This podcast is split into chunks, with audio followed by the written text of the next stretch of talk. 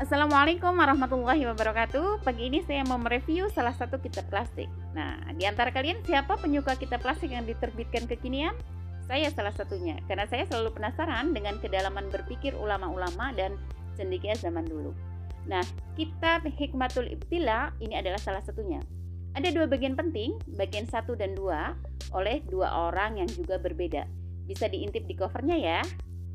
Nah, yang paling saya suka dari buku ini sih khas kitab klasik banget. Jadi bahasanya penuh perumpamaan yang maknanya tentunya dalam banget. Bagus sih buat nambah diksi juga sama memperhalus perasaan dalam menerima ayat-ayat Allah Ta'ala dan mempertajam atau mengasah iman. Karena buku ini mengajak kita untuk melihat apa yang tidak tampak mata. See beyond the eyes cannot see, istilah kerennya gitu. Namanya juga rahasia langit kan? Dan buat saya ini salah satu recommended banget untuk pengayaan diri, bikin kita kembali ke rel yang benar tentang mana hidup, bahagia dan hakikat hidup itu sendiri.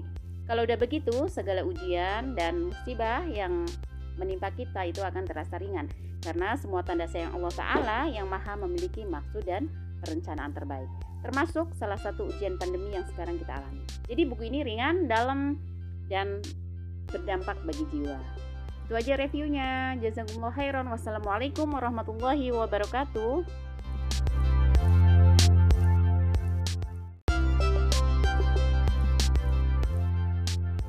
Assalamualaikum warahmatullahi wabarakatuh. Pagi ini saya mau mereview salah satu kitab plastik. Nah, di antara kalian siapa penyuka kitab plastik yang diterbitkan kekinian?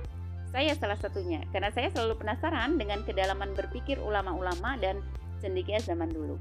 Nah, kitab Hikmatul Ibtila ini adalah salah satunya. Ada dua bagian penting, bagian satu dan dua, oleh dua orang yang juga berbeda. Bisa diintip di covernya ya. Nah, yang paling saya suka dari buku ini sih khas kitab klasik banget. Jadi bahasanya penuh perumpamaan yang maknanya tentunya dalam banget.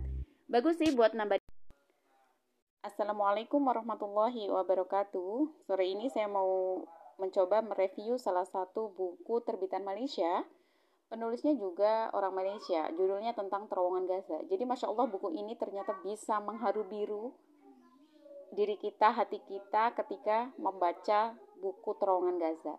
Jadi basically, the author of terowongan Gaza want to bring us to life the Gaza people life for a while.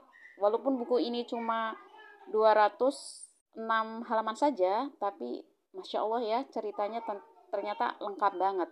Dari zaman sebelum penjajahan Zionis ke Malaysia itu abad ke-19 sampai sekarang abad 21. Jadi melalui buku ini saya belajar betapa kejamnya Yahudi Zionis. Mereka membunuh warga Palestina. Mereka memperkosa para wanita dan membakar rumah mereka. Mereka membom tempat mereka. Ya, tega sekali pasukannya ketika mereka me, apa? mendolimi rakyat Palestina.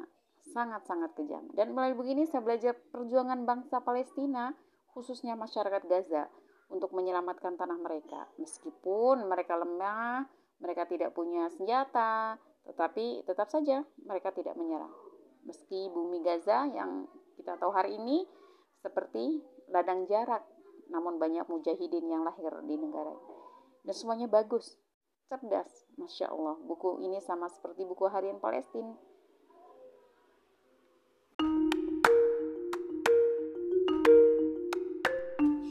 Assalamualaikum warahmatullahi wabarakatuh. Pagi ini saya mau mereview salah satu buku biografi yang diterbitkan oleh Republika, sebuah buku biografi yang syarat dengan makna perjuangan dan pendidikan. Jika mendengar kata-kata buku biografi, mungkin ingatan kita langsung lekat pada buku yang berisi riwayat hidup seorang. Biasanya sih penyampaiannya serius, ya kan? Nyaris garing, bahkan tiada daya tarik. Tapi tidak untuk buku ini. Buku yang berjudul Perempuan yang Mendahului Zaman memanglah sebuah buku biografi. Biografi seorang tokoh perempuan besar berasal dari Padang Panjang, Sumatera Barat, yang telah mengikhlaskan hidupnya berjuang mengangkat martabat dan harkat kaum perempuan negerinya. Dialah Syekhoh Rangkayo Rahmah Al-Yunusia, tokoh pendidikan yang mendirikan perguruan diniyah putri Padang Panjang yang terus menjadi ikon sempurna sebuah lembaga pendidikan khusus kaum hawa.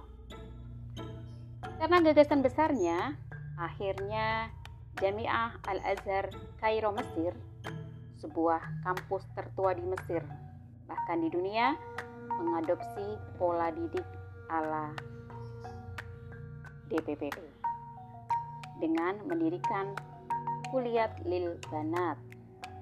Dan beliau perempuan pertama yang mendapatkan sematan penghargaan gelar Syekh untuk seorang perempuan, yaitu Syekhoh, yang sebelumnya belum pernah disematkan kepada perempuan mana pun di dunia ini. Perempuan pemberani dan tegas, kawan dan lawan pun segan pada beliau. Entah kapan lagi sejarah akan melahirkan manusia sehebat Bunda Syekhoh Rangkayo Rahman El Yunusia.